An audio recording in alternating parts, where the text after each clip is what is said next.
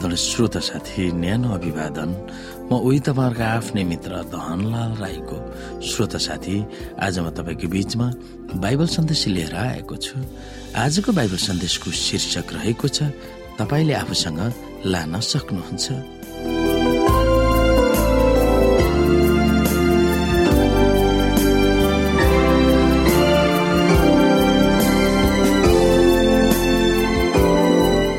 श्रोत साथी साठी वर्ष पुगेका विश्वविख्यात सुसमाचार प्रचारक बिल्ली ग्राहमलाई जीवनको चकित पार्ने समय कहिले थियो भनेर एक फेरा सोधेको थियो।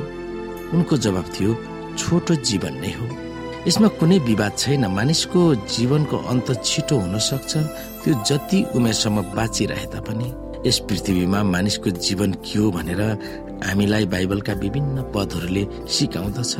कोही धनी भयो र त्यसको घरको गौरव बढ्यो भने तिमीहरू नडर वा तिनीहरूको डाहा नगर। किनकि त्यो मर्दा त्यसले आफूसँग केही पनि लैजाने छैन। त्यसको गौरव त्यसको पछि पछि जाने छैन। त्यो बाचुन्जेल आफूलाई त्यसले धन्यको ठाने। कारण मानिसहरूले कोही मानिसको उन्नति हुँदा त्यसको प्रशंसा गर्छन्। तापनि त्यो आफ्नो पिता पुर्खाको पुस्तामा मिल्न जानेछ वा मर्नेछ जसले फेरि कहिले जीवनको ज्योति देख्ने छैन। समशक्ति नभएको धनी मानिस नष्ट हुने पशु तुल्य हो। हामीले यो कुरा भजन संग्रहको पुस्तक उन्चास अध्यायमा हेर्न सक्छौँ। सन्तुष्टि सहितको भक्ति नै ठुलो लाभ हो किनकि हामीले न त संसारमा केही ल्यायौँ न यहाँबाट केही लैजान नै सक्छौँ। तर खाना र लाउनसम्म छ भने हामी त्यसैमा सन्तुष्ट हुनेछौँ। तर धनी हुने इच्छा गर्नेहरू परीक्षामा पर्छन् पासोमा फस्छन् र धेरै अर्थहीन र दुःखदायी इच्छाहरूमा डुब्छन् जसले मानिसहरूलाई बर्बादी र सर्वनाशमा डुबाउँछन्। किनभने रुपियाँ पैसाको मोहनी सबै किसिमका खराबीको जड हो।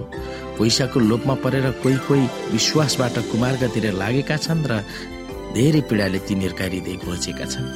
एक तिमथी छ अध्यायको छदेखि दसमा हामी हेर्न सक्छौँ।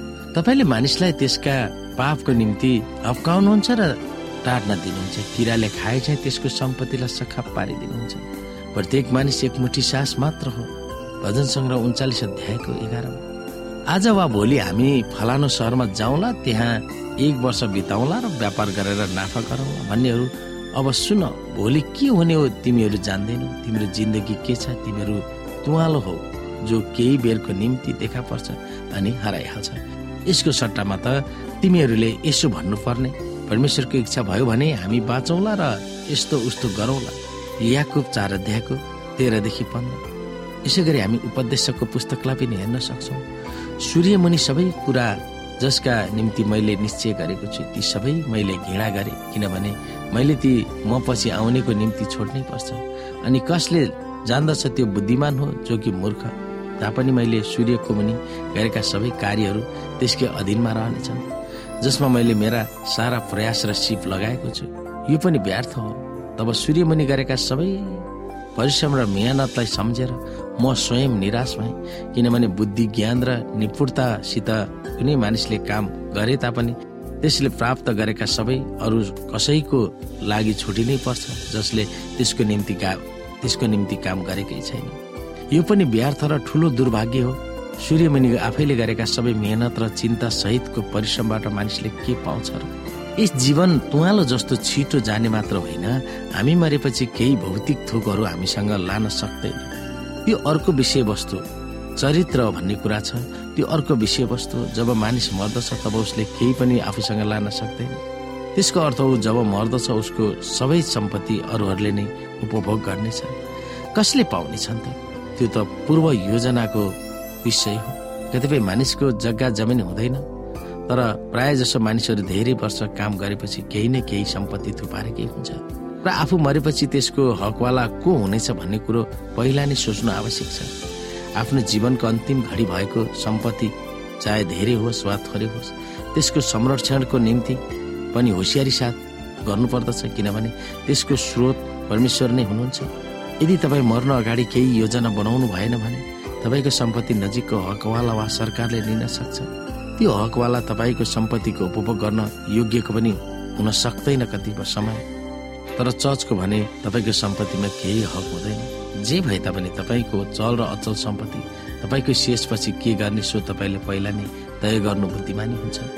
सरल तरिकाले भनियो भने सबै थोक परमेश्वरको भएकोले बाइबलको परिप्रेक्ष्यमा हामीलाई जतन गर्न दिएको सम्पत्तिको हामीले उपभोग गरेपछि र हाम्रा प्रियजनहरूको आवश्यकता पूरा गरेपछि हाम्रो सम्पत्ति उहाँलाई नै फिर्ता गर्नु न्यायचित हुन्छ। अन्तिम श्रोता हामीलाई थाहा छ मृत्यु जहिले पनि आउन सक्छ। त्यो पनि हामीले अपेक्षा नगरेको समयमा। आज तपाईँ मर्नुभयो भने तपाईँको प्रियजनहरूको अवस्था कस्तो हुनेछ? तपाईँको सम्पत्ति के हुनेछ? के तपाईँले त्यो चाहेको अनुसार वितरण हुन्छ त? त्यो विषयमा तपाईँ सोच्न सक्नुहुन्छ।